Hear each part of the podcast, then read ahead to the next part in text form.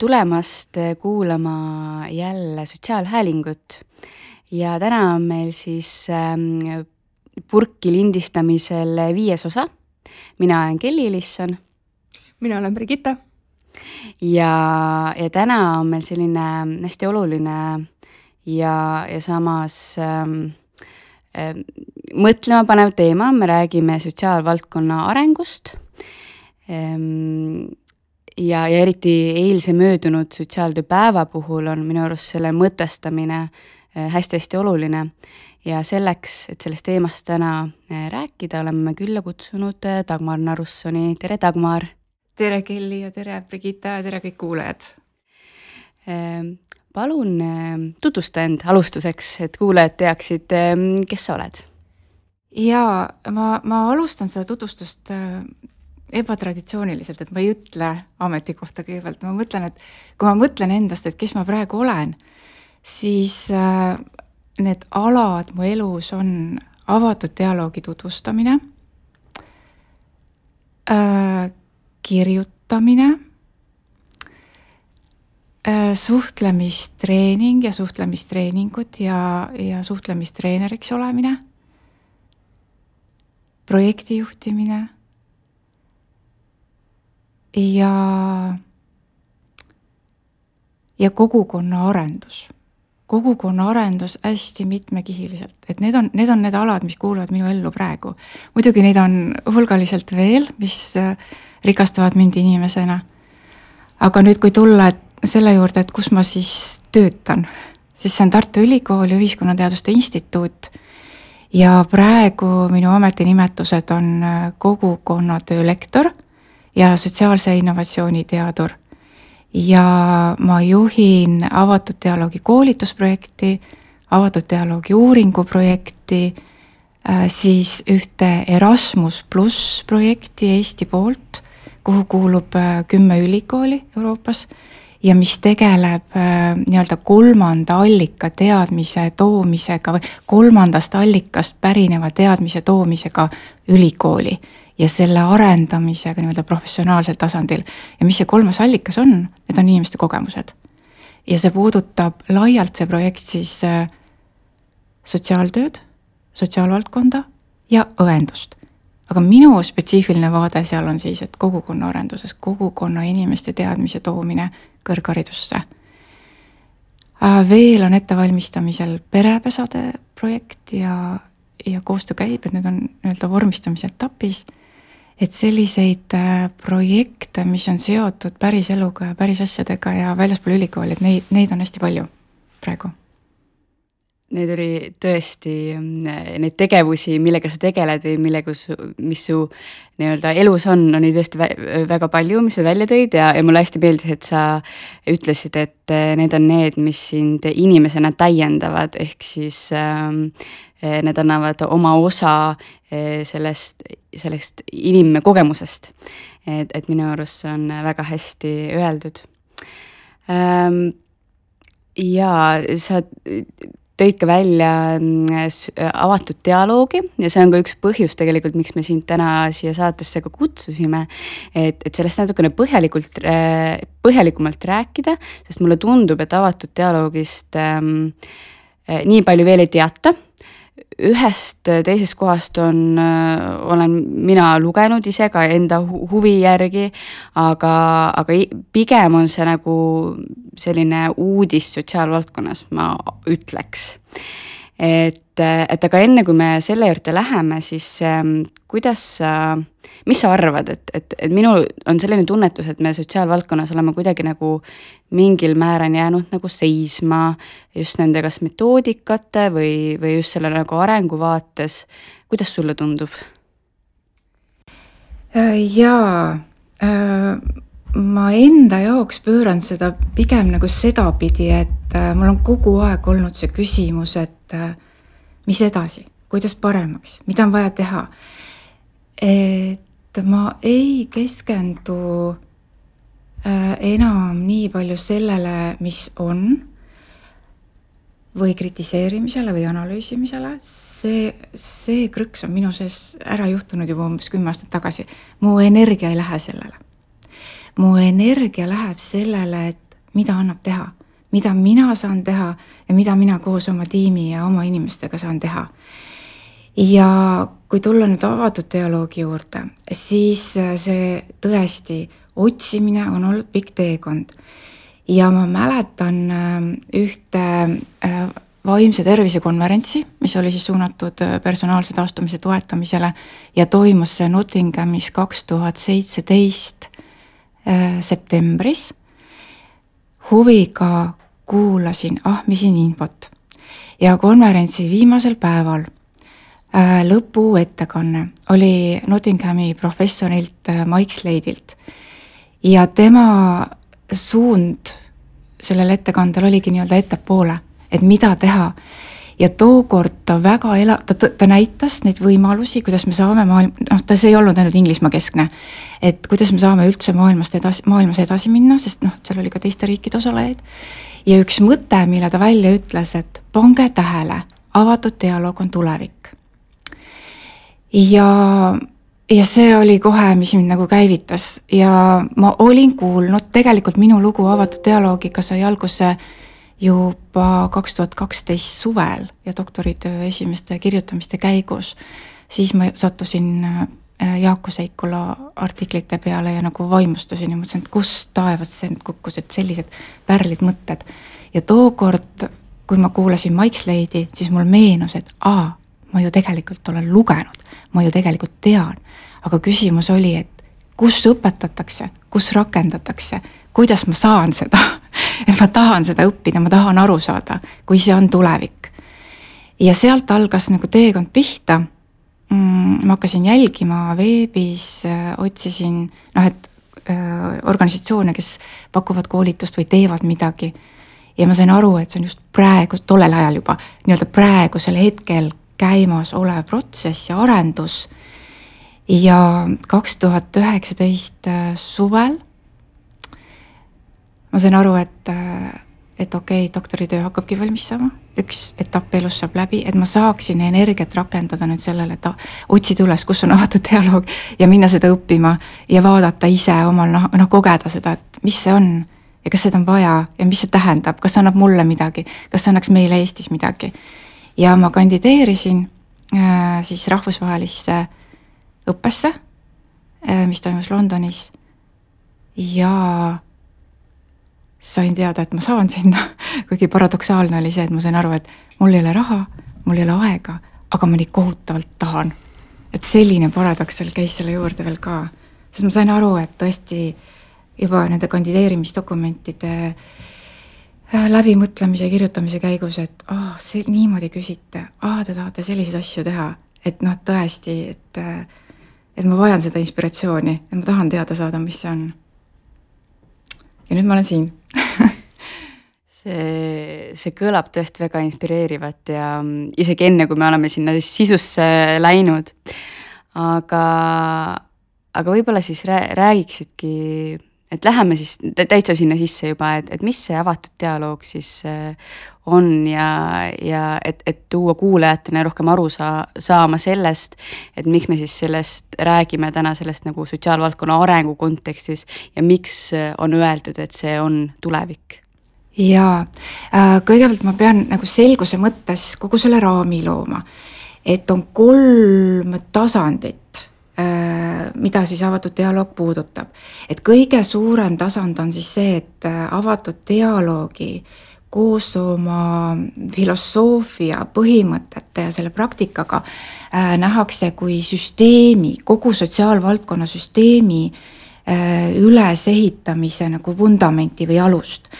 ja, ja mõned riigid on nii kaugele juba jõudnud äh,. noh, Itaalia Äh, Itaalias on olemas juba nii-öelda süsteemi tasandil äh, nii-öelda kahekümne nelja tunni nii-öelda sotsiaalne kiirabi ja siis on nii-öelda ambulatoorsed teenused või kus keskused, kus pakutakse. et mõned ja Ameerikas on äh,, Euroopas mõnes kohas on nii-öelda süsteemi tasandil, et kogu süsteem ongi üles ehitatud äh, avatud dialoogi põhimõtetele tuginevalt äh, äh,. see on üks tasand ja see on mõnedes riikides olemas nüüd teine tasand on, äh, on põhimõtted ja filosoofia. ja see tähendabki praktiku jaoks maailmavaadet, inimestesse suhtumist, täiesti teistsuguseid käitumistavasid või, või ootusi enda, enda suhtes ka, et kuidas ma olen inimestega ükskõik kus, mitte ainult töösituatsioonis, et äh, ükskõik kus. ja see nii-öelda see filosoofia on rakendusel ka sotsiaalvaldkonnas, aga ta on kogukonna arenduses või kogukondadega töötamisel ja ta on hariduses. ja hariduses mitte ainult nagu kõrghariduses, vaid ka põhikooli ja gümnaasiumihariduses, nii et õpetajad on võtnud äh, selle filosoofia ja nad käituvad ja nad on teistsugused haridussüsteemis. et see on nagu see teine tasand, et seda filosoofiat, maailmavaadet on võimalik rakendada ja kui mõelda, et kus see filosoofia või kus see on alguse saanud, siis tegelikult juured äh, on juba päris kaugel äh,. Äh, siis äh, Pahtin kes on analüüsinud kirjanduses erinevaid tekste, on Dostojevski teostest toonud välja nii-öelda selle dialoogilise vaate, polüfoonia, et, et see filosoofiline alus on kirjanduses juba enne olemas olnud ja ta on maailmas juba tegelikult tükk aega olemas olnud. aga nüüd ta jõuab tasapisi ähm, rakendusse. nii et see filosoofia on oma juurtega ja filosoofia koos oma põhimõtetega on läinud siis vähemalt kolm alasse, nagu ma ütlesin. sotsiaalvaldkond, ehk siis inimestega töötamine, vaimne tervis äh,, haridus ja kogukonna arendus. ja kui me tuleme nüüd selle kolmanda asja juurde, mis on siis see praktiline pool, et ähm, ja milleks, ma mainisin ka, et meil on koolitusprojekt Eestis käimas ja miks neid koolitusi tehakse, on see, et on konkreetne tööriistakast ja on konkreetsed äh, töötamise viisid, noh, võiks öelda isegi nagu meetod, kuigi avatud dialoogi treenerid ise ütlevad, et, et nad ei taha kasutada seda sõna meetod, sest see teeb kuidagi väga pisikeseks või nagu äh, justkui annab aimu, et noh, õped, õpid ära mingid konkreetsed tehnikad ja siis sa oledki avatud dialoogi praktik, et nii lihtne see ei ole. et tegelikult see filosoofia ja süsteem peab ka olema, aga siis, kuidas sa inimestega koos oled ja kuidas sa inimestega tööd teed, kuidas sa kolleegidega tööd teed, see on äh, täiesti teistel alustel, see on nagu nii-öelda praeguse sotsiaalvaldkonna äh, meetoditega nihkes, aga need tööriistad on olemas. Ja see treening on päris keeruline, et need koolitused ka ei olegi nagu koolitused klassikalises mõttes, vaid see on treening, mille osaks on äh, mahaõppimine, unlearning, et ma pean aru saama kuidas ma siiamaani olen inimestega töötanud ja siis aru saama, et äh, mis ei sobi enam sellesse kümnendisse, sellesse sajandisse, sellesse kümnendisse ja mille ma, mille ma lihtsalt ei pea kõrvale panema, vaid ma pean seda oma mõtlemisest, oma kehast, noh, kõik selle välja saama ja see unlearning'u protsess on ka väga raske. sest kui ma olen harjunud kuidagi suhtuma, tulen ülevalt alla, ma annan teile lahendusi, ma hindan teid, kui ma olen selle hoiakuga nagu treenitud, siis see mahatreenimine ei ole nagu ühe päeva töö. Aga see mahatreenimine on selle uue lähenemise osa, et ma pean teatud asjad saama endast välja, et ma saaksin inimeseks tagasi. et selles mõttes need, kes avatud dialoogi äh, treeningus osalevad täiesti algajatena, neil on mõnes mõttes eelis. Nad ei pea maha õppima Nad saavad äh, võtta kõige selle inimliku poole ja õppida konkreetsed oskused juurde ja neid hakata harjutama, harjutama, harjutama. Aga me võime natukese aja pärast rääkida, et mis need, mis see sisu on või mis see tööriistakast on, sest praegu ma ei avanud seda veel mm. -hmm. minul tekkiski kohe hästi palju küsimusi ja just selle filosoofia poole pealt, et kui sa ütlesid, et need võib-olla nihkes sellise tänapäeva äh, praktikaga või see, kuidas me kliendi tööd teeme või kuidas me ise inimestena oleme, siis mis need võib-olla kõige suuremad nihked on või mis on need uued äh, aspektid, mida võiks äh, omaks võtta sealt filosoofiast? Kui nagu seda laiemat filosoofilist poolt võtta, mitte veel nagu oskusi, et siis äh, seal on äh, ma mõtlen, kust ma nüüd alustan, noh, minu jaoks kõigepealt praeguses ajas ülioluline äh, ebakindluse tolereerimine ja turvaline ebakindlus. Safe and certainty ongi nagu üks nendest terminitest avatud dialoogis. kõlab paradoksaalselt, et mis mõttes kogu selles kriisis ja ebaturvalisuses on võimalik olla turvaliselt. noh, kõlab nagu mõistusevastaselt, eks. aga mis see avatud dialoog teeb või milles see essents seisneb, on see, et ähm, et kui, et kui on see ebaturvaline olukord kui on see kriis, aga kui ka töötatakse inimestega ja ei ole valmis lahendust, sest see komplekssus või see kombo, millega inimene tuleb või see pere tuleb, on lihtsalt nii keeruline, et ei ole tagataskust võtta retsepti. siis tulebki vaadata seda olukorda kui täiesti unikaalset, et äh, midagi, mida ei ole olnud. ja ma praktikuna või nagu avatud dialoogi põhimõtete kandjana ei pea ka paanikasse sattuma, vaid see on see kohalolu, selle olukorraga kohtumine ja mitte kiirustamine, et mul on vaja või meil kõigil on vaja kiiresti mingi lahendus leida, vaid äh, selle juures on oluline, me oleme koos, me oleme ühes paadis, keegi ei astu välja ja ei hakka kellelegi ütlema, et sa pead seda tegema.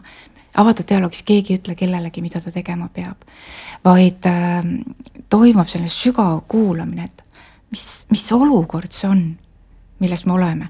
Ja, ja ärakuulamine, et, et mis on need äh, vaated või selle olukorra tunnetamise viisid, et ja, ja igaüks räägib lähtudes endast ja igalühel ei ole mitte nagu üks seisukoht või üks vaade, vaid äh, sinna ebakindluse juurde käib polüfoonia, et kui me toome välja, et ma näen seda olukorda nii ja siis ma tujun veel, et, et on see nüanss. Ja siis sina, Brigitta, võtad üle ja ütled oma erinevad vaated. Ja siis sina, Kelly, võtad enda oma, et korraga saab nagu mingi tohutu pusle meie ette.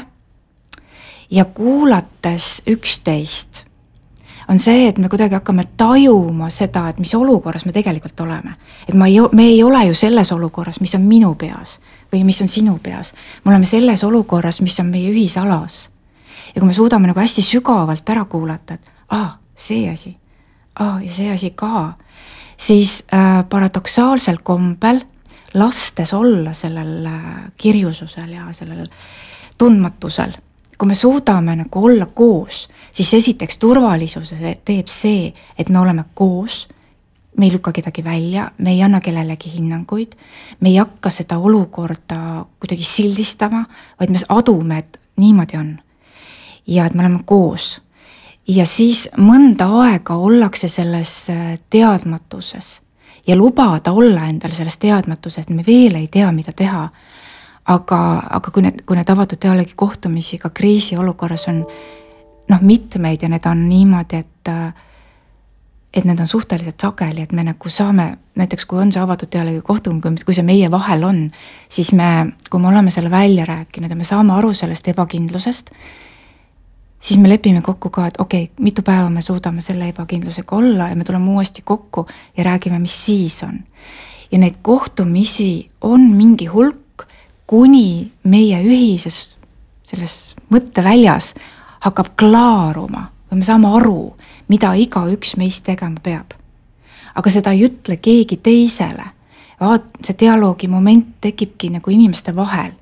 et ja ma olen kogenud seda nüüd nende aastate jooksul, et kuidas ongi nii, et kui on nagu tõeline kohtumine inimestega, kõik on laual, see pusle on nagu meie ees, me saame aru, kus me oleme, siis ma tasapisi hakkan noppima enda jaoks. okei okay,, mida mina teha saan, mida ma lähen koju, mida ma teen, lähen töö juurde, mida ma teen. noh, et, et millistes keskkondades, mida ma teha saan, vahel inimesed ütlevad dialoogis selle välja, aga vahel ei pea isegi välja ütlema, aga ma saan aru, mida mina tegema pean.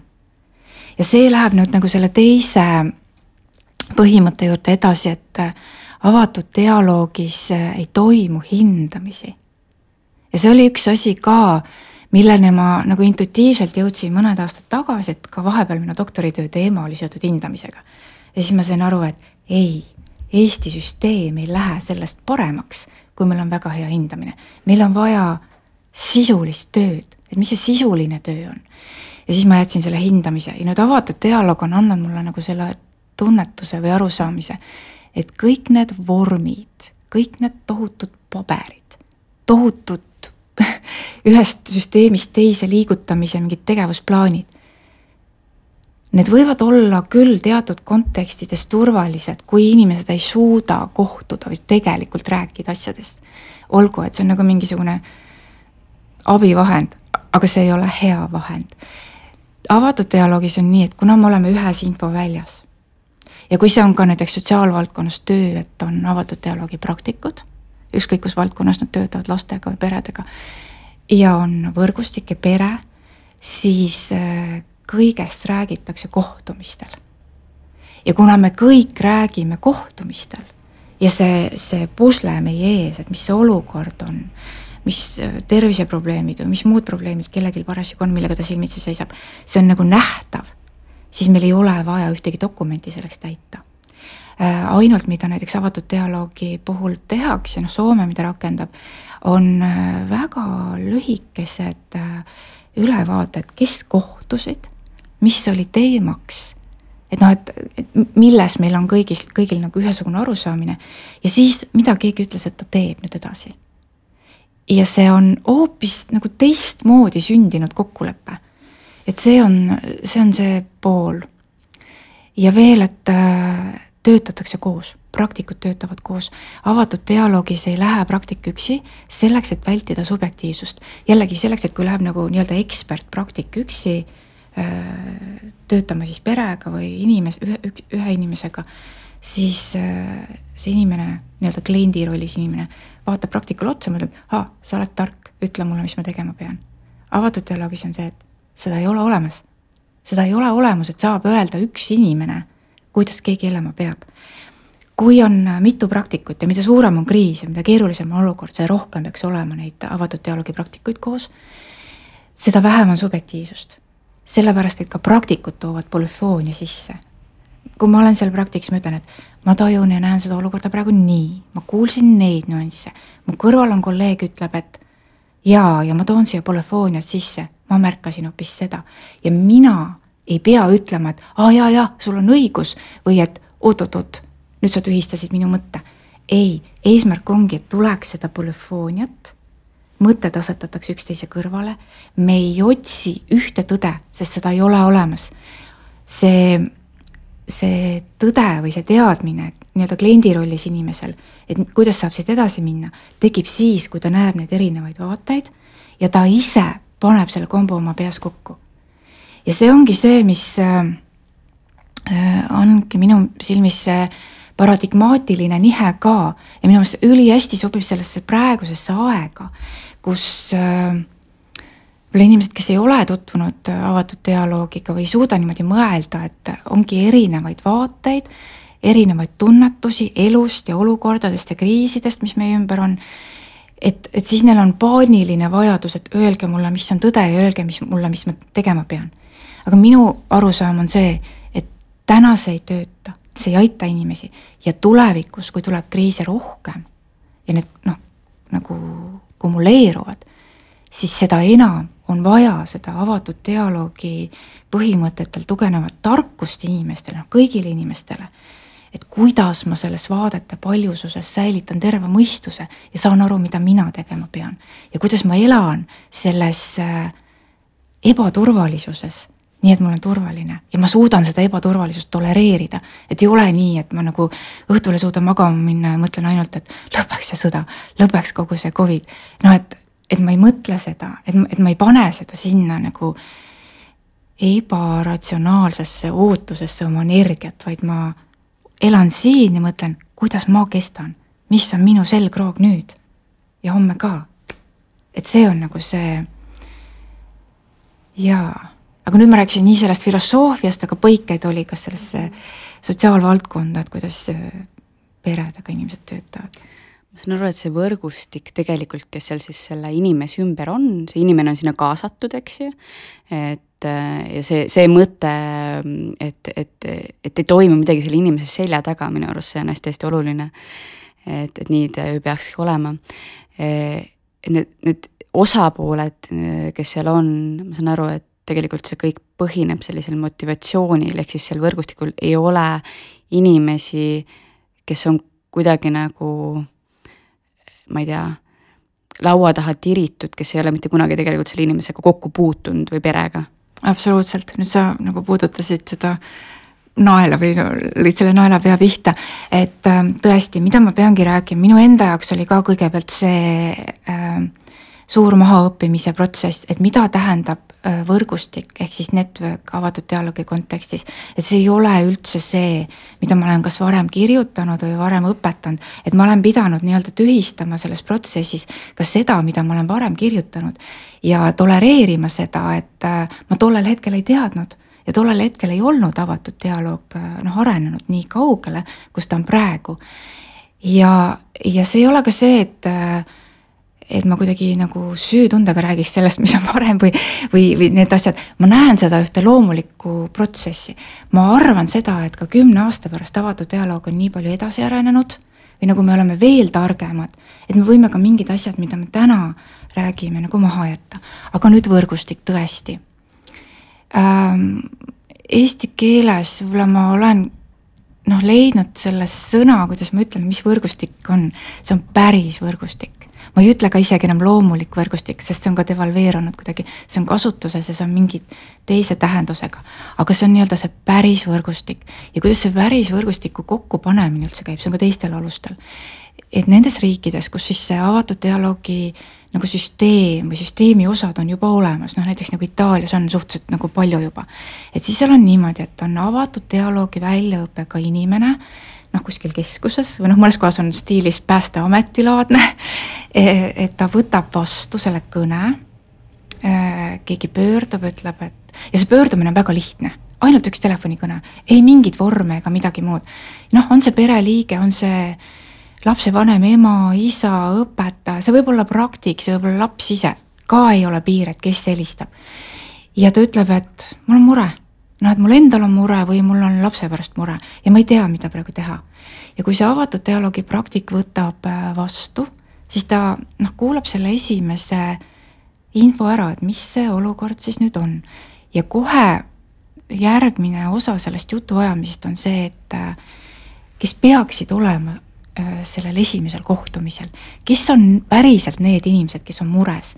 et vaadake, kui meil inimestena äh, noh, tavakodanikena, lihtsalt inimestena on mingisugune mure, on ju, või mingi asi lahendada, siis on kas sõbrad või pere või paar, noh, mõned inimesed, paar inimest ikka on, ma arvan, igalühel, see kogemus on, et nad kuidagi käivituvad, et mis ma teha saan. oota, räägi nüüd, on ju, et aa, ma tean seda, et tuleb nagu see nii-öelda päris inimesed, kes, kellel on noh, seestpoolt tulev huvi, et aa, mis me teeme su heaks. ja avatud dialoogis on nüüd seesama asi, et me küsime, et kes on tegelikult see kes, kes praegu muretsevad. ja, ja see sõna, mida me kasutame nii-öelda kliendi asemel, on see mure keskmes olev inimene. et kes on need inimesed, kes praegu muretsevad reaalselt mure keskmes oleva inimese pärast. ja see võib olla naaber, see võib, kui see on laps, siis on äh, tema sõbra ema. kui see on majahoidja, siis see on majahoidja kui see on koolis raamatukogu hoidja, siis see on raamatukogu hoidja, ühesõnaga seal ei ole piire. küsimus on selles, kes tegelikult muretsevad, kes tegelikult niikuinii mõtlevad ja kes tegelikult helistavad õhtul ja küsivad, et äh, kuule, kuidas praegu seis on. et meil on neid, neid, neid, seda ressurssi vaja, kutsutakse nii-öelda need päris inimesed. see ei tähenda seda, et me ei kaasa praktikuid, loomulikult me nagu noh, aga jällegi, et inimene ise ütleb, see mure keskmes olev inimene või tema lähedane ütleb, kes tulevad võrgustikku kokku, mitte professionaal, mitte avatud dialoogi praktik. avatud dialoogi praktika aitab mõelda, aga kes veel on, kes veel on. ja siis lepitakse kokku, et äh, kes nüüd ütleb nendele võrgustiku liikmetele, et meil on see esimene kohtumine. et, et osad võib öelda siis see praktik, aga osad ütleb see mm, helistaja ise on, ongi lapsevanem ütleb, et olgu, ma räägin nendele, nendele, nendele, nendele on mul lihtne kokku saada. lepitakse see esimene kokkusaamine kokku. ja nüüd on oluline ka, et selle võrgustiku kohtumisel kindlasti noh, üldjuhul ikkagi noh, et erandid on ka, seal ei ole, avatud dialoog ei ole nii paindumatu. aga üldjuhul me lähtume sellest, et äh, tuleb seesama, kes tegi esimese kõne.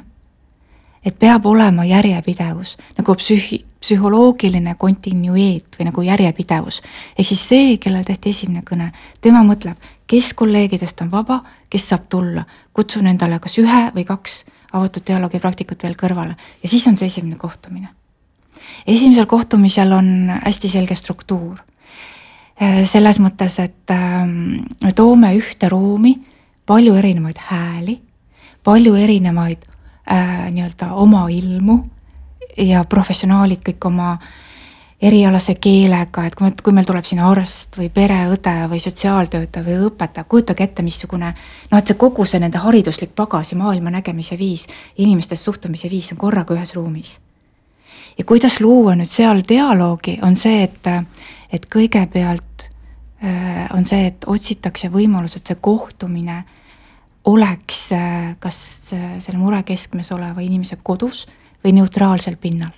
Me ei lähe kabinetti, see peab olema võimalikult loomulik ja kui see on kodus, on see kõige parem, sellepärast et äh, äh seal räägib kõik, seinad räägivad, toolide paigutus räägib, inimeste käitumine räägib äh,. kui murekeskmes inimene ütleb, et ma ei taha tulla, siis ta läheb teise tuppa või ülemisele korrusele aga ta on olemas ja tegelikult elu näitab, et nad hakkavad kuulama ja ühel hetkel nad tulevad ja liituvad.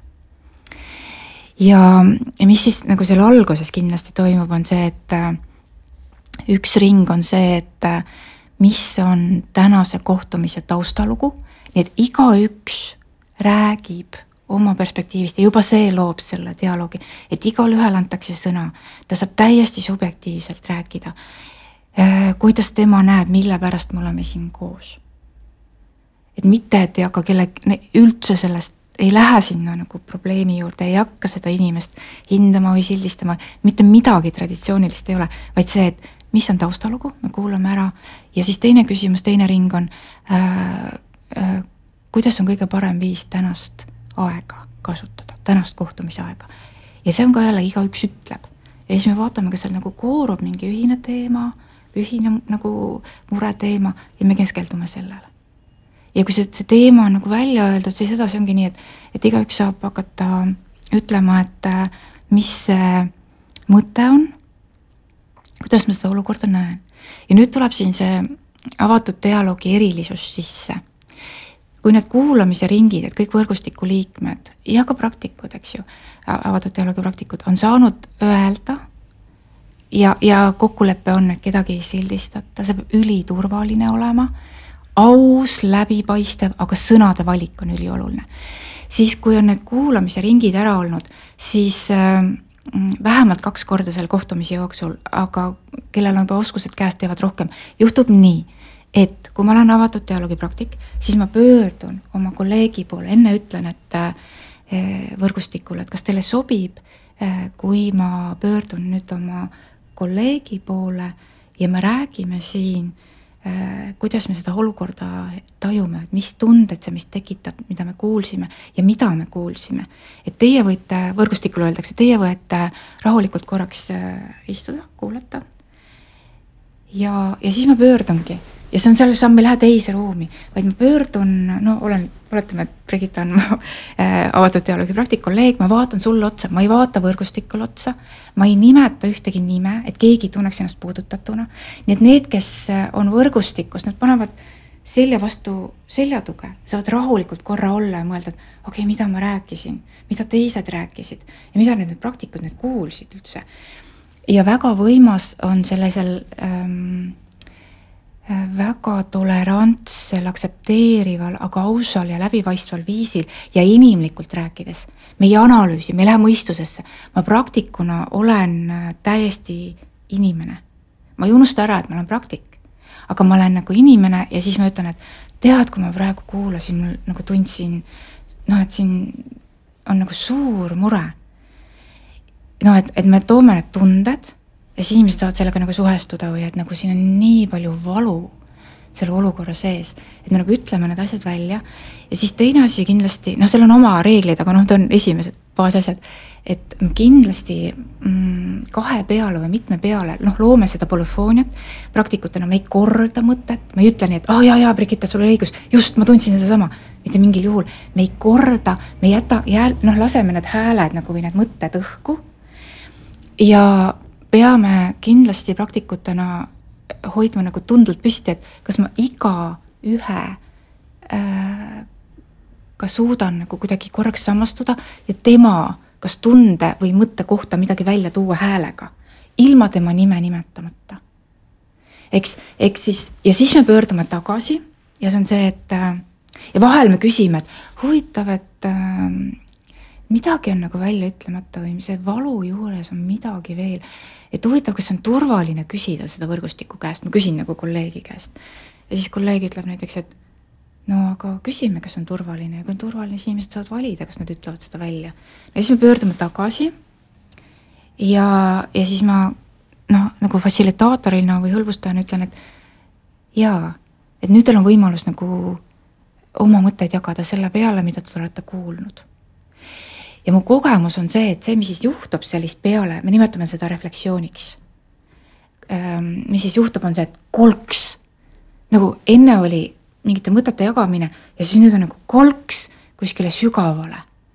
ja noh, näiteks keegi ütleb, et ah, ma sain aru, et te mõistate, et mul tegelikult on õudselt suur mure, et mul tõesti ongi praegu väga valus kogu selle olukorraga olla. et see kukub kuskile nagu hoopis teisele tasandile ja niimoodi nende refleksioonidega see nagu, see dünaamika läheb nagu asjale järjest-järjest lähemale. nii et me nagu püüame mõista, mõista, mõista ja siis ühel hetkel ja see mõistmise juures tekib siis see dialoog ja siis ühel hetkel on pööre. et kui see olukord kõigi peas on nagu klaar, tunne on, et mu muret kuuldi, mu valust saadakse aru, siis toimub see mingi imelik krõks, no ma ei oska seletada, kuidas see saab juhtuda ja siis kõik hakkavad nagu, oota, aga olgu, aga ma saan teha seda. oota, ma mõtlen, et jaa, me võiks veel kaasata siia võrgustikusse selle inimese, et kuidagi pööre. ilma, et keegi ütleks, et kuulge, hakkame mõtlema nüüd lahenduste peale. vaid et see on loomulik rütm ja veel seal nende kohtumiste kohta öeldakse, et neid kohtumisi äh, toimub nii, nii palju, nii kaua, kui kõik need võrgustiku osapooled saavad aru, et see on lahenenud ja ma, minu jaoks on see, et päriselus on ju samamoodi. et kui mul on mingi mure ja noh, ma ei tea, vend tuleb appi ja sõbranna tuleb appi ja töökaaslane tuleb appi ja me siis me kuidagi tegutseme sellega, et siis äh, noh, kui see on nagu klaar, siis see on klaar, me ei tegele enam.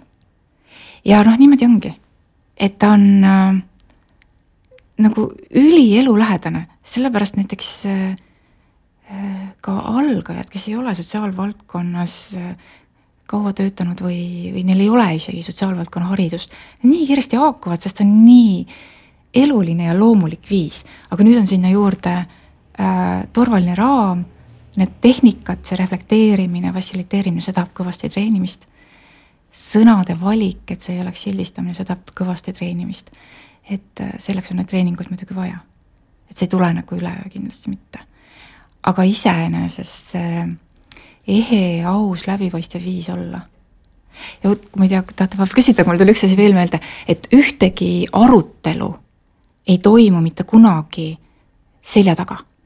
praktikud ei lähe kok-, pärast äh, võrgustiku kohtumist äh, oma kabinetti ja mõtle, aa, mis me nüüd teeme, mis me nüüd teeme.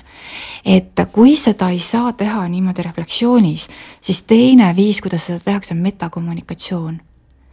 ja siis praktikud teevad ikkagi selle refleksiooni aja või hetke, aga siis nad ütlevad, et huvitav, mulle tundub, et me oleme nagu noh, et vaatavad seda protsessi nagu ülevalt alla ja jätavad selle sisu korraks nagu sinnapaika, mõtleb, räägivad, et kuule, mulle tundub, et see viis, kuidas me siin täna nagu oleme, meie avatud dialoogi praktikud, see nagu ei aita edasi, me nagu tõmbame paigal.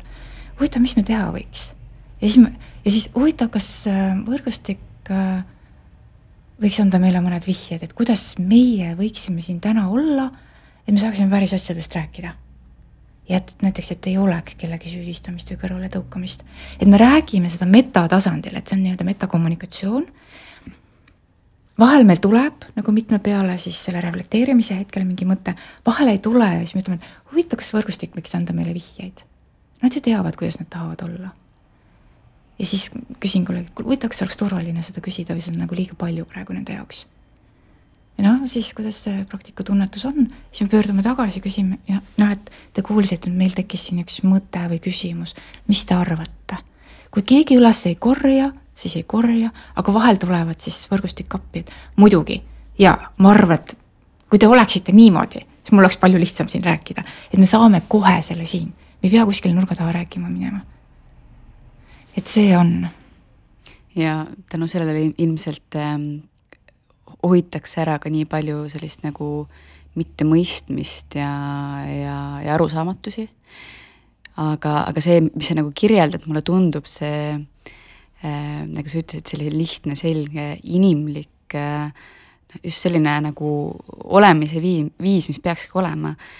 ja mul endal nagu hakkas peas lahti kerima see mõte, et, et, et kas meil mingil ajahetkel, kui toimus selline sotsiaaltöö professionaliseerimine, et siis me võtsime hästi mingid metoodikad ja lähenemised, et, et noh, selline hindamine, et justkui tõestada mingis mõttes sellist nagu Äh, professionaalsust mingis mõttes. Aga kuna meie ühiskond on nii palju arenenud, et siis ja, ja meil on väga suur ähm, murekoht on selline äh, üksindus ja üksildus, et siis me peame justkui tulema juurte juurde tagasi ja, ja, ja tegelema töö, tegema tööd kõigepealt selle nimel, et et me saaks nagu mingit sellist nagu kontakti või, või seda turvalisust luua, sest selles kompleksses maailmas lihtsalt muul viisil jätkusuutlikult ei ole võimalik. Jaa äh,, no kui ma mõtlen nagu selle mineviku peale või sotsiaalvaldkonna ja sotsiaaltöö mineviku peale, siis võib-olla tõesti mingil hetkel eelmisel sajandil, noh, ma mõtlen nüüd nagu üleüldse maailmas mm -hmm. sotsiaaltööd, mitte ainult Eestis, Eestis tollel hetkel ei olnud, et seal võis olla abi sellest juhtumikorraldusest ja, ja, ja sellest võrgustikutööst, kuidas seda tehti. sest kuidagi võib-olla oligi lineaarsem see elu või või äh, oli korraga üks probleem võimalik fookusesse võtta. Et see võib-olla kuulus sinna, jah, et ma nagu ei anna selles mõttes hinnanguid, ma lihtsalt püüan mõista, et miks see niimoodi, kus see vajadus tekkis ja miks seda arendati. aga praegusel ajal äh, minu jaoks küll nagu avatud dialoog äh, mõnes mõttes avab neid uksi, et kuidas olla, sellepärast et avatud dialoog tegelikult tekkis vastusena vajadusele, et äh, olukorrad on ülikeerulised ja et on kriisid, on kriisid ja täiesti nagu kummalised tundmatud olukorrad, millel ei ole teenust, millel ei ole lahendust. ühesõnaga kõige raskemate juhtumitega tegelemiseks. noh, ei olnudki, noh, oli see, et ei aita, see ei aita, too süsteem ei aita, praktikute kokkutoomine ei aita, me oleme täiesti nagu kriisis. noh, totaalne keerukus on. Äh, üks oli see ja teine oli see vajadus, et äh, ressursse on vähe. Ressursse on vähe, eriti nende keeruliste juhtumite puhul. panna sinna taha kogu see professionaalide kaardivägi, no see ei ole võimalik lihtsalt, see on ebareaalne ja me ei suuda seda kunagi. nii et ta tekkis vastusena sellele, et äh, tundmatu olukord, ülikeeruline, ülikompleksne äh,, suitsidaalsed käitumised, no täiesti äärmuslikud olukorrad ühelt poolt ja teiselt poolt ressursipuudus ja, ja ta ei ole nagu selles mõttes hädaabivahend, vaid selle otsimise käigus saadi aru, et noh, et see ongi see viis olla. see ongi see, mida ongi vaja. ja kui ma äh, ise siis oma esimest kursust õppima läksin Londonisse ja kui ma sain aru, et noh, et inimesed sõidavad, noh, et, et kes on nagu ära tundnud, et kui ülioluline see on, siis inimesed noh, sõna otseses mõttes sõidavad maailma teisest otsast kohale, et nad saaksid seda. ja enamasti need noh, ma õppisin koos erinevate praktikutega, psühhoterapeudid ja psühhiaatrid ja sotsiaaltöötajad ja looterapeudid ja teadlasi oli ka, et ähm, neil oli mingisugune, enamasti mingisugune isiklik kogemus ka taga, kas siis perel, peres või siis kuidagi oma tööelu läbi nagu väga rasked juhtumid nii et nad, nad otsisidki seda kõige paremat maailmast, nii et põhimõtteliselt meil oli ja on siiamaani psühhiaater Austraaliast, psühhiaater Jaapanist. Äh, hispaanlasi üks hulk, prantslasi. Ja siis mm, Belgias psühhiaater, no ja siis üks hulk äh, üle, üle Suurbritannia erinevatest kohtadest inimesi, no need, kes mulle esimesena meelde tulid. ja ma sain aru, et nad, nad on, nad otsisid samamoodi nagu mina, mis on see, mis praegu aitab, mis asi on see kõige parem asi. ja see motivatsioon oli ikka inimestel nagu laes õppida. ja see on nagu kihvt õppida nii, et kui inimestel on motivatsioon laes, sest nad, nad päriselt saavadki aru, et nad, nad ei taha enam nii nad ei suuda kannatada enam niimoodi, nad tahavad teistmoodi. et isegi juhtus meie koolitusgrupis nii, et äh, teine sessioon, siis Austraalia psühhiaater tuli ja ütles, et teate, ma tulin töölt ära, ma ei saa enam ravimeid kirjutada. et ma sain selle esimese õppe, avatud dialoogi õppesessiooni jooksul aru, ma tahan teistmoodi, see peab muutuma. ja noh, ta oli näinud muud võimalust, kui päevapealt nagu süsteemiga lõpp teha ja, ja täiesti teistmoodi alustada ja mina mäletan seda ühte hetke jaanuaris, kui oli kolmas sessioon Londonis. ja kui ma kuulasin nagu noh, neid lugusid ja me tegime, harjutasime, meil olid need, need rollisituatsioonid, meil tohutu kurbus mind nagu valdas, ma istusin seal ja mul oli nagu, mul lihtsalt nagu mõtlesin, mu süda tõmbab valust kokku. ja mul on nagu nii kurb olla. Ja mille pärast, sellepärast, et ma sain aru, et noh, et Eestisse on seda vaja, meil on nii palju peresid, kes on nii raskes olukorras. Ja tollel hetkel ma tundsin, et ma ei oska rääkida, mis asi on avatud dialoog. Ja ma ei oska mitte kuskilt otsast alustada, et selgitada seda, et äh, noh, tõesti ongi vaja, ongi vaja. sest noh, midagi oli juba minuga juhtunud seal nende rollimängude käigus, kui ma olin seal kas prantsuse mees või, või ähm, ema, kelle laps teeb äh, suitsiidikatset, et need, need vastandrollid andsid nagu nii võimsa kogemuse, et mul noh, tulid silma, silmad ette need olukorrad, kus äh, Eestis inimesed ongi selles olukorras. ja nad vajaksid seda kogemust, mida mina olin rollimängu kaudu saanud. Et äh, jaa, niisugune teekond oli mm. -hmm. meil on äh, see nüüd välja ka juhtumikorraldus, et juhtumikorraldus on meil väga hästi Eestis kanda kinnitanud, et niisugune juhtumikorralduslik lähenemine ja noh, selline võrgustikutöö, mitte küll selline, mida sa kirjeldasid, on ju. miks, mis on avatud dialoogi eelised just, kui võrdleme näiteks sellist klassikalist juhtumikorraldust?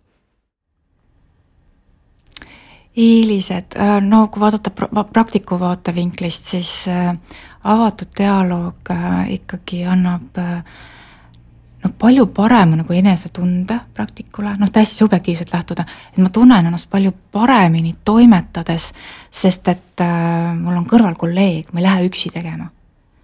kolleeg ja, ja, ja see vastutus ei ole minu peal ja mina ei pea kellelegi vastutust andma ja ma ei pea jälgima, et keegi teeb. et saate aru, et see tohutu paine, et midagi peaks juhtuma, seda ei ole. Ja minu meelest see on tohutu eelis töötada rõõmuga, ilma paineta, tundes hästi ennast kolleegiga koos olles, tundes, et äh, mina ei ole maailma naba, mina ei pea valmis vastuseid andma, vaid äh, see, need olukorrad, inimeste elud on nii unikaalsed, et me saame ainult koos minna ja koos minnes on alati nagu võimalused.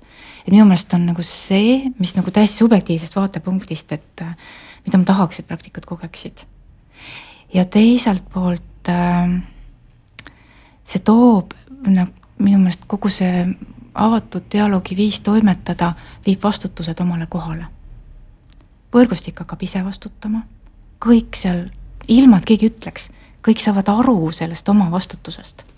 see lihtsalt juhtub nii, kui sa kuulad teisi ja räägid endast, saad aru, et ei no keegi ei saagi mulle öelda, kuidas mina elama pean ja kui see nii-öelda kliendi rollis sealt võrgustiku äh, perspektiivist sealt juhtub, see on, see on nagu hea näha, et inimesed mõtlevad ise, kuidas nad elama peavad. ja võrgustik tuleb appi ja igaüks saab aru, mis tema noh, olukord on ja vajadus on ja need päriselu ressursid hakkavad tööle, nagu mingid mahlad hakkavad elus liikuma, et noh, et see nagu ei ole üldse palju vaja. ei ole raha palju vaja ei ole teenuseid palju vaja, et see on nagu kuidagi teistmoodi, kogu see süsteem, et mida küll näiteks ähm, äh, meie Taani treener ütleb, et äh, alguses võib see olla üleminek, võib olla kulukas. nagu süsteemil. aga pikas perspektiivis on see säästlik, sest äh, ühelt poolt on see, et me ei, ei ehmu ära ühegi olukorra ees ja teiselt poolt me alati vaatame, et mis on need päriselu ressursid, mis veel on olemas. et mida, mis kõik on olemas meid ümbritsevas keskkonnas ja inimestes. ja noh, keskkonna all ma ei mõtle seda füüsilist keskkonda, vaid kogu seda suhete ja hoiakute ja ja nende ressursside keskkonda, mis inimeste peades või kodudes või nendel, neil endal kaasas on.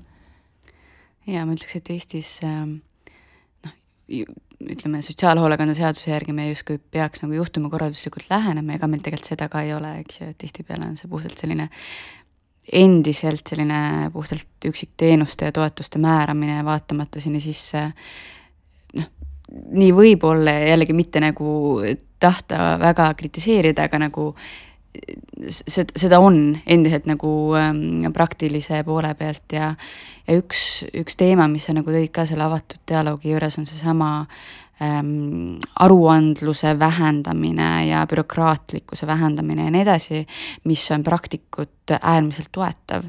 et, et see on ju väga-väga oluline, teisalt kui ma vaatan nagu äh, astun korra nagu poliitikakujundaja või nagu riigi vaates sinna kingida, king, kingadesse, et siis kuidas me siis selle nagu mõju hindame või kuidas me tõestame, et kuidas seda siiani tehtud on teistes riikides, et kuidas me saame päriselt seda mõju siis hinnata mm? -hmm. et ühelt poolt on äh, just, et äh, et äh, ma saan aru, mille pärast on töötatud välja erinevaid dokumente ja miks on aruandlused olemas.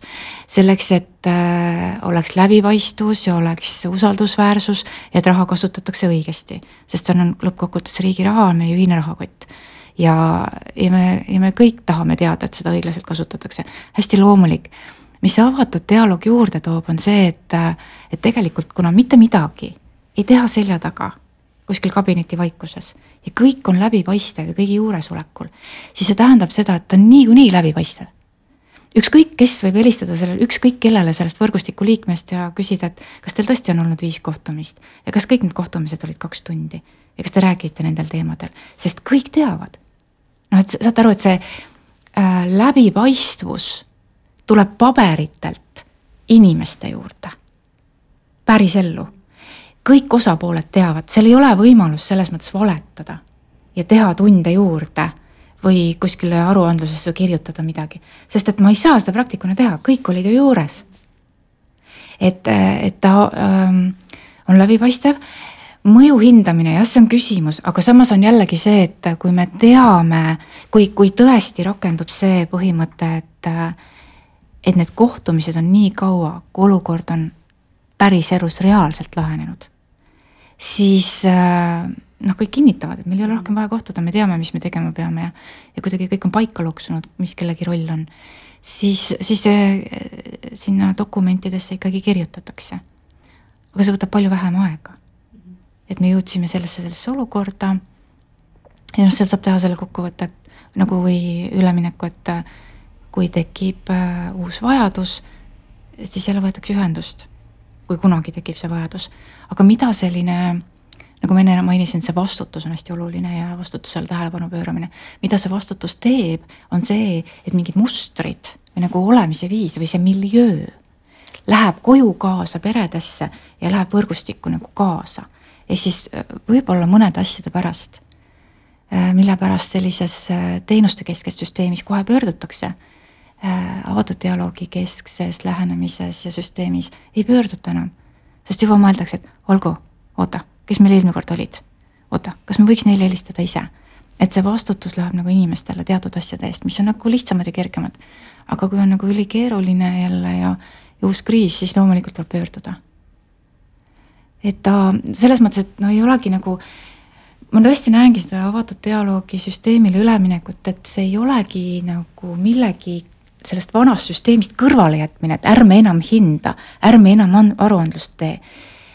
Need kuuluvad selle süsteemi juurde, selles praeguses süsteemis ma ei kujuta ette ka, et teisiti saaks. aga ma näen, et meil on vaja teha see paradigmaatiline nihe, astuda sellest välja teistel alustel ja vastutus, usaldus, hästi ratsionaalne ka ressursside kasutamine, see peab tulema juurde aga see on nüüd siis lihtsalt teistmoodi ja kokkulepe ja mõnes mõttes on see eetika osa, see on treeningu osa ja nende praktikute järjepideva supervisiooni osa. et, et see eetiline moment algab iga praktiku enda seest, seda, seda nagu süsteem lõpuni tagada ei saa. ja selle juurde peab kuuluma see, et see vastutuse määr on praktikul väga kõrge. Ja, ja ta tegeleb supervisiooniga, kui ta saab aru, et ta ei oska või noh, et nüüd oleks vaja kuidagi edasi, siis see peaks olema kovisiooni või supervisiooni osa. Ja kovisiooni meetodeid, et me koos õpime oma mm, fassilitaatorite tiimiga või avatud dialoogi praktikutega, et neid õpetatakse või treenitakse ka avatud dialoogis.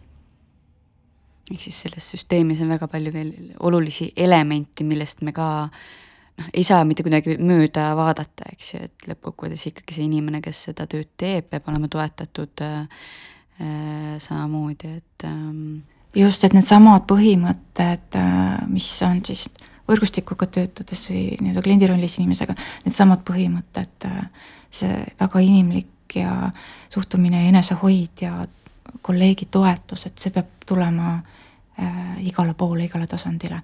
et noh, näiteks meil, meil on praegu, eks ju, uurimus käimas ja meil on uurimisrühm ja selles uurimisrühmas, kuigi me ei tee ju võrgustikutööd sellel hetkel ja me ei tee klienditööd, siis selles, selles oma kohtumistel, kus me arust-, mis on töökoosolekud, me püüame ikkagi ka liikuda sinna suunda, et me järjest rohkem suudaksime võtta need avatud dialoogi põhimõtteid üle. et no näiteks räägime polüfooniast. üks ütleb uuringurühmas ühe mõtte, siis teine ütleb, et kuule, ma toon polüfooniat sisse, ma näen seda niimoodi ka. et me juba toome neid hääli, kuulame üksteist, aa oh, jaa, niimoodi saab ka vaadata, jah. ja siis noh, juba loome mingi teistsuguse õhkkonna talume ebakindlust ja ütleme seda, et no nii, nüüd me olemegi selles ebakindluses. kuidas me seda turvalisust siin luua saame või mis see nüüd siis on, mis me tegema peame? et, ähm, et neid annab äh, tuua ka meeskondadesse ja organisatsiooni tasandile. Ja seal, kus on äh, avatud dialoog olemas, rakendatud, seal ka äh, juhid käituvad samamoodi. ja isegi noh, veelgi kaugemale, et avatud dialoogi maailma või inimeste või selle kogukonna hulgas üle maailma, et näiteks kui on konverentsid, siis need konverentsid on ka teistsugused. et näiteks on, alati on see reflekteeriv tiim et keegi, üks või kaks inimest teevad siis oma ettekande, räägivad, kuidas nad arendanud on, missuguse teenuse nad on välja töötanud või kuidas neil see kõik korraldatud on, et inimesed tulevad nii-öelda keskusesse, kus rakendatakse avatud dialoogi, kuidas nad seal siis teevad neid kohtumisi. siis on reflekt-, on publik, eks ju, noh, praegu on veebis kõik need konverentsid, et äh, on publik, aga on ka alati noh, juba ette korraldajate poolt kokku lepitud, kes on reflekteerivas tiimis, kuulatakse ettekanne ära ja siis see reflekteeriv tiim tuleb, ma ei tea, kümme, viisteist inimest. ja nad toovad neid vaatenurki ja see, mis tunnet see tekitab, et niimoodi ja mida nad näevad, et äh, kogesid, et mis on, mida ettekandjad tõid, et mis on need raskused rakendamisel või. tuuakse seda väga kihvti polüfooniat ja siis sa saad korraga aru, et ah, see ei olnud ainult ettekanne.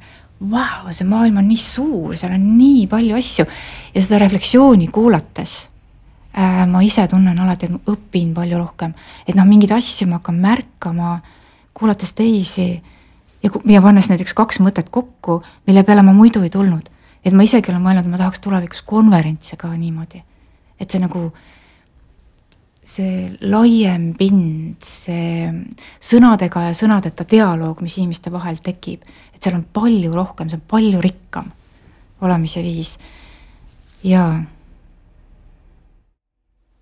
väga põnev, ma varem ise ei olnudki mõelnud sellele, et jah, see on üks meetod, see ei tähendab küll meetod öelda, aga üks viis, kuidas äh, sotsiaalvaldkonnas siis nii-öelda klientidega äh, suhestuda, aga tõesti seda põhimõtet ju, seda filosoofiat saab kanda tegelikult äh, igale poole. ja, ja minu Taani kolleeg või meie treener, kes Taanist äh, siin Eestis käib äh, treeninguid tegemas, tema ütles ka, et äh, Covidi ajal et mida Põhjamaades erinevates riikides tehti.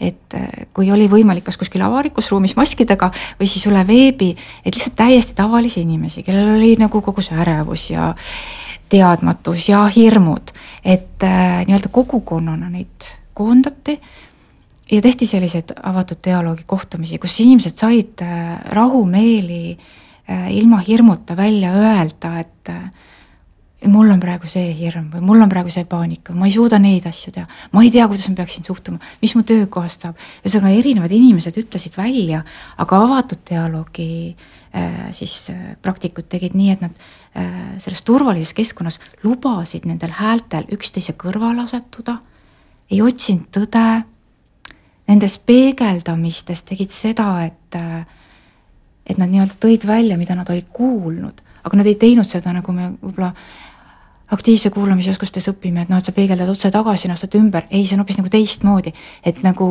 mis asi see seal on või mida ma kuulen siin õhus. ja siis, kui paljud inimesed said nagu samastuda, et ah, mu valu on kuuldud või mu hirmu on kuuldud või te saitegi aru, et ma ei oska praegu elada selle tundega. et äh, see valideerimine, mida nagu fassilitaatorid siis tegid või praktikud tegid, et noh, see andis niisuguse tunde, et olgu mul on, mul, see olukord on päris, mu tunded on päris, olgu ma suudan täna koju minna ja siis paar päeva elada veel. et neid tehti Põhjamaades. et, et kuna minu tegevus on suundunud nagu sinna kogukonna valdkonda järjest rohkem, et siis see on mu üks igatsustest ka, et me saaksime oma kogukondi, oma inimesi nagu tuge-, tugevdada, noh, neid naabruskondi või huvipõhiseid kogukondi niimoodi tugevdada, et seal rakendada avatud dialoogi, et, et inimesed kõigi oma kogemuste, tugevuste, kriisikogemustega saaksid nagu valideeritud, nad tunneksid, et see on päris, mis nad on läbi elanud ja see on nagu noh, seda nähakse või et noh, et ma olen olemas, et see märkamisel nagu tohutu jõud. avatud dialoog on kindlasti pigem mõtteviis, et selles suhtes ja see nõuab, mulle tundub, hästi palju avatust, et just seesama, et et nagu sa ütlesid, mahatreenimine, noh, seda kuulates on nagu väga mõistetav, miks seda enne vaja teha on. ja sa ütlesid ka, et hästi oluline on keel, sest sõnal on hästi suur jõud, et võib-olla sa sellest nagu keele olulisusest natukene täpsemalt räägiksid ja no näiteks avatud dialoogi suhteliselt alguses on meil selline harjutus, äh, kus on ka nagu võrgustiku kohtumine, kus rollid jaotatakse ära ja on fassilitaatorid, aga siis keegi on nii-öelda kliendi kõrv. ja kliendi kõrva puhul on see, et sa oledki selles rollis ja sa kuuled kõiki sõnu, mida ütlevad kas spetsialistid või fassilitaatorid või võrgustiku liikmed, mis on kuidagi sildistavad või kraabivad või hinnangulised ja siis seal kliendi kõrval on noh, kogu aeg õigus öelda stopp. ja siis see, kes ütles selle sõna, peab hakkama otsima, et oot-oot-oot, kuidas ma sama asja saan teisiti öelda. ehk siis tegelikult me, ma no küll siin olen toonud selle välja, et võib-olla vähe segadust tekitada, aga klient on minu silmis nagu teatud olukorras ikkagi sildistav või haiget tegev sõna. patsient on haiget tegev sõna. Psüühikahäire võib olla väga haiget tegev sõna probleem võib olla haigelt tegev sõna. ei saa hakkama, saamatu. noh, need on siuksed, noh, need teevad haiget. Neid asju on võimalik öelda äh, täiesti teisel viisil eks see põhimõte seal sees on ju see, et me ei ütle, et see inimene on see, me ei anna talle nagu selles suhtes jällegi seda hinnangut, aga me saame öelda, et ta on, nagu sa välja tõid, ta on kliendi rollis, eks ju, et meil täna kahjuks ei ole, ma saan aru, et avatud dialoogis on tegelikult eraldi termin, eks ju, mure keskmes olev inimene. Äh, aga, aga täna me ei ole tegelikult jah, sotsiaalvaldkonnas ju paremat sõna nagu välja mõelnud, kui, kui, kui, kui me ikka kasutame seda kliendi sõna ja ega sellest on ka päris palju kirjutatud, et mis see siis nagu parem lähenemine on, mulle endale hästi meeldib ikkagi rääkida inimesest, aga see võib tekitada tihtipeale, eks ju, segadust et.... aga üks nüanss veel, et tegelikult äh, mida saab teha ja mis avatud dialoogi protsessis juhtub, on nimede kasutamine, eesnimede kasutamine. meil ei ole üldse tiitleid vaja tegelikult. täiesti nõus noh, et selles mõttes, et äh, äh, niikuinii võrgustik teab, et noh, et meie oleme need avatud dialoogi praktikud, aga seal ma olen lihtsalt Dagmar.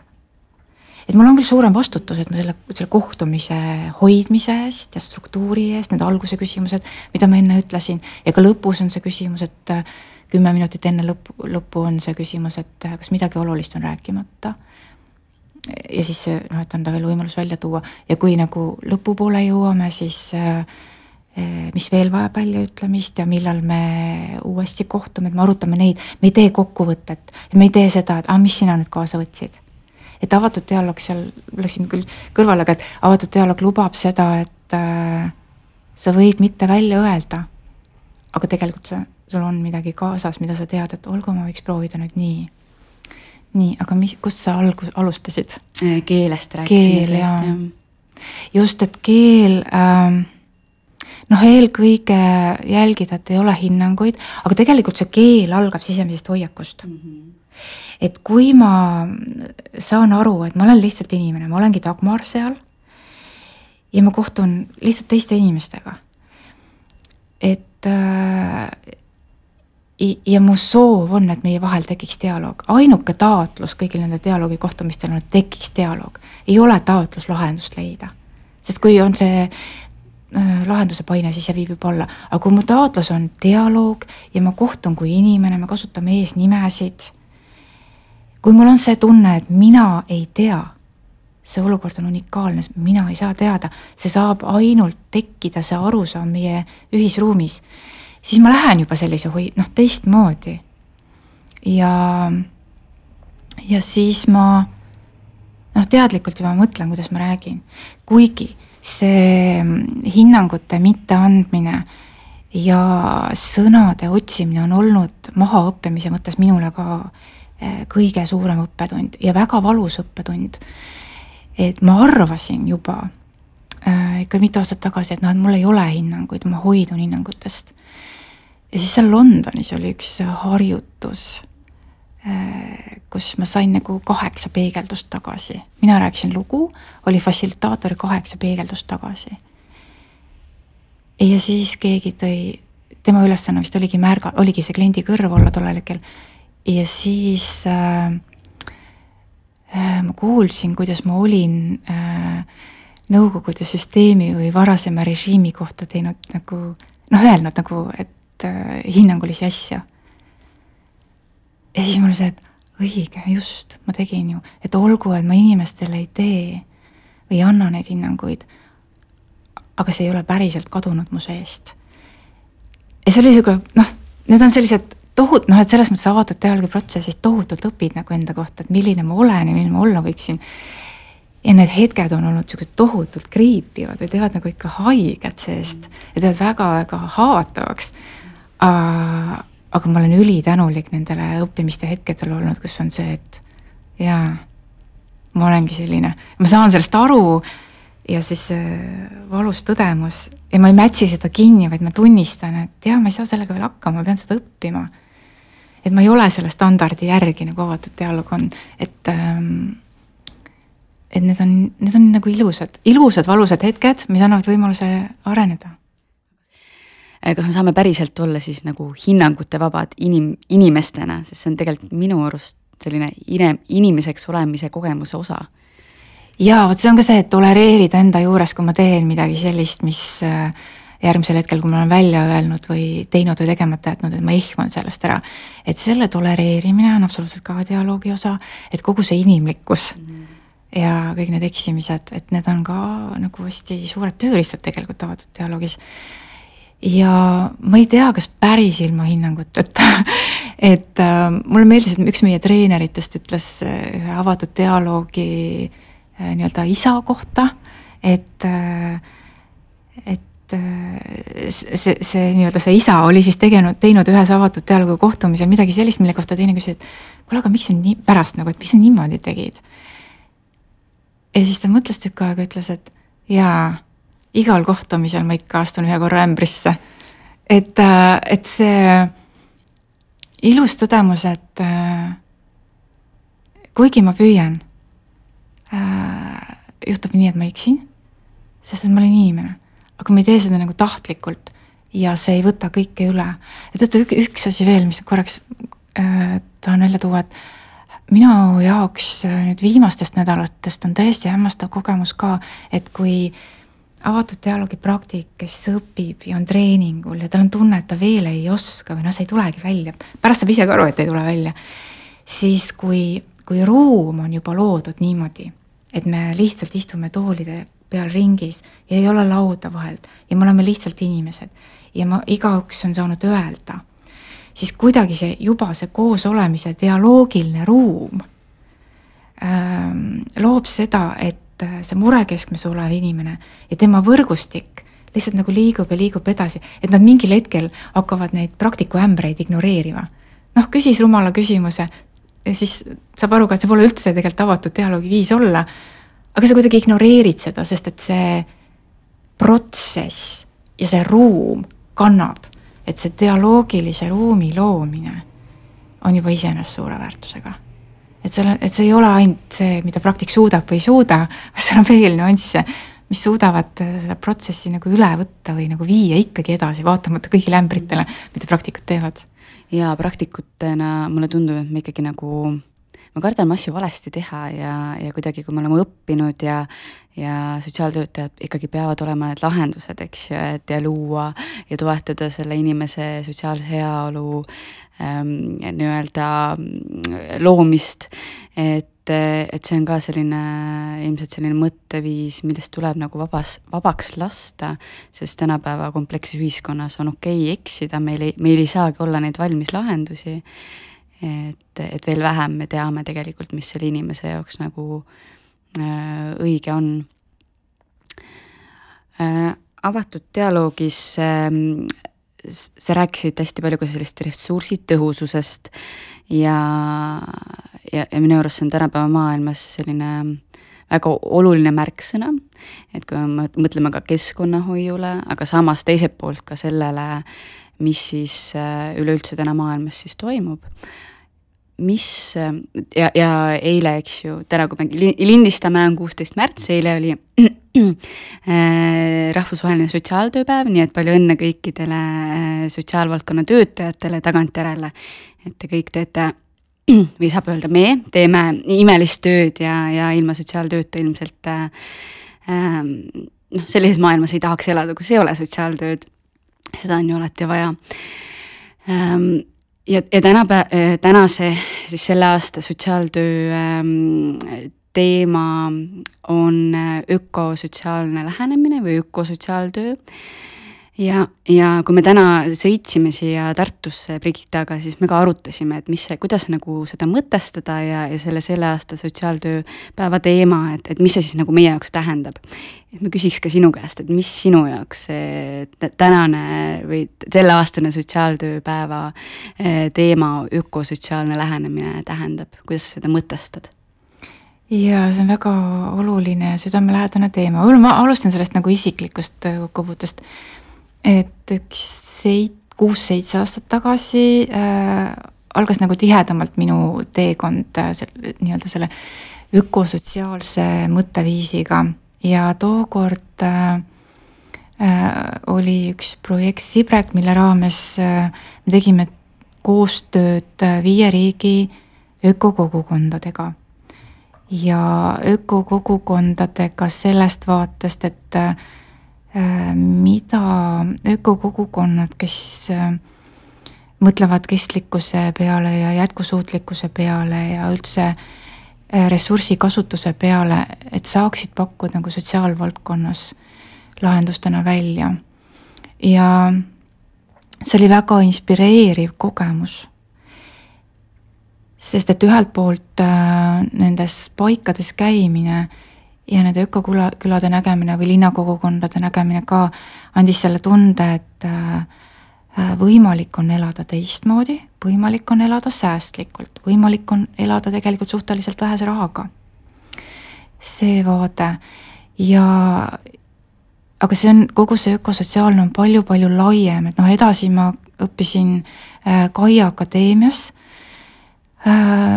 kus oli võimalik siis lähemalt koos mõttekaaslastega läbi erinevate teemade vaadata, et äh, kuidas olla ja elada ise, et jalajälg oleks väiksem. et, äh, et mu liigutused, mida ma teen, on säästlikumad. ja, ja minu jaoks see mm, jõudis sinnamaani välja, et ma ei mõelnud ainult enam äh, füüsiliste ressursside kasutamise peale.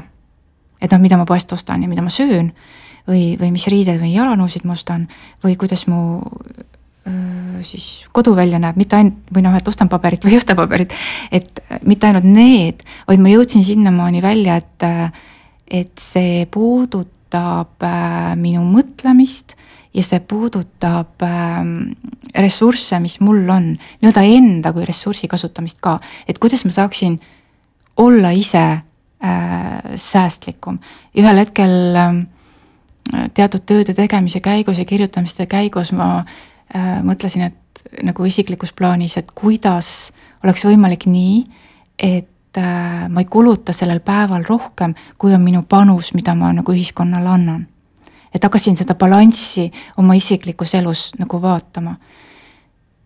et, äh, et ta läks nagu nii sügavale, aga teiselt poolt ökosotsiaalne, kui mõelda äh, Äh, nii-öelda nende sots-, äh, ökosotsiaalse maailmavaate mm, emade ja isade peale, kes on selle sotsiaalvaldkonda toonud, siis nagu üle maailma kaugemalt on tulnud see sealt, et äh, paigad, kus on kas puhast vett või mingisuguseid loodusressursse vähe või toimuvad looduskatastroofid, siis probleem seisneb selles, et Äh, vaesemad inimesed on seal vähe mobiilsed, nad ei saa ära sõita.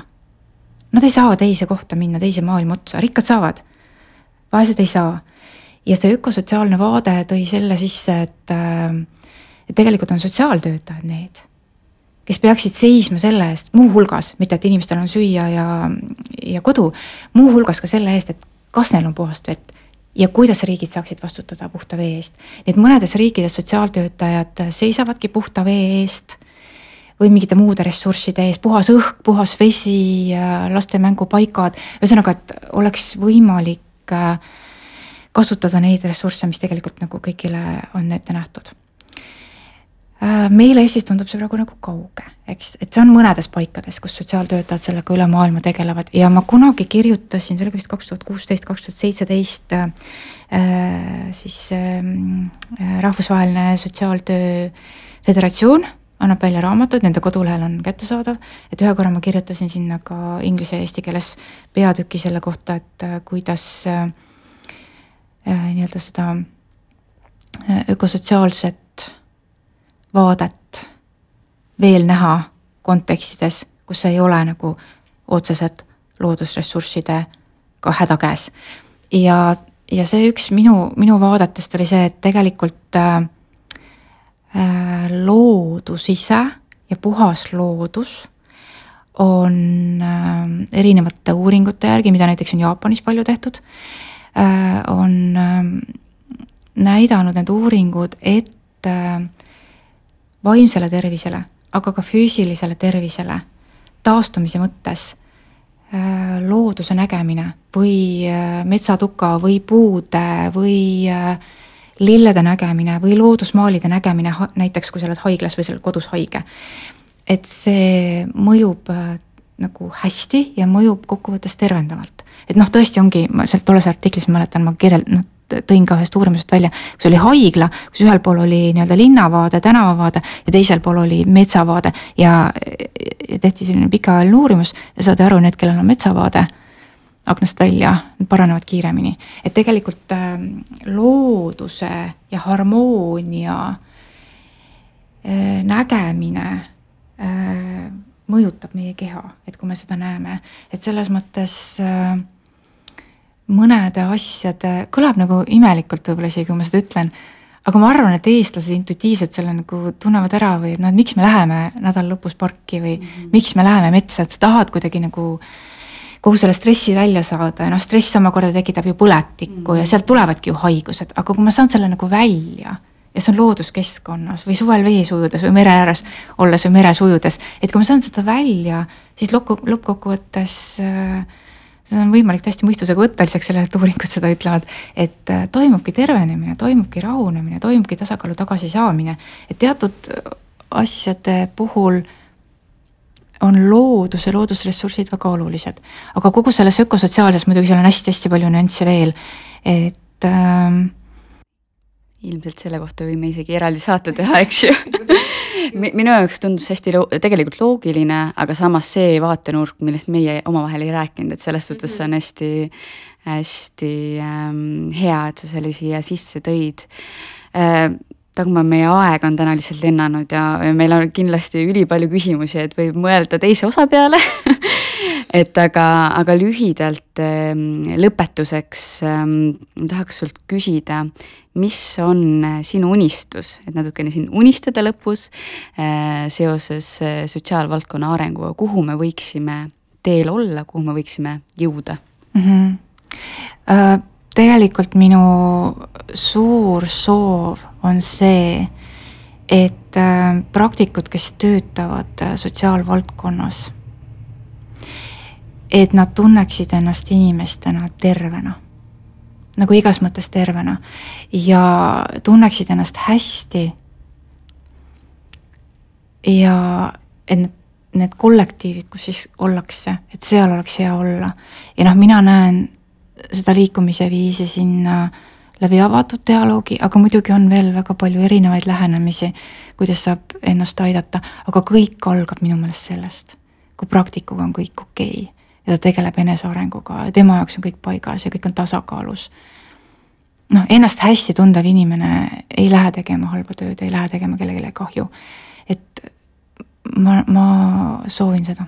noh, lihtsalt selles mõttes, et see on nii suur ressurss.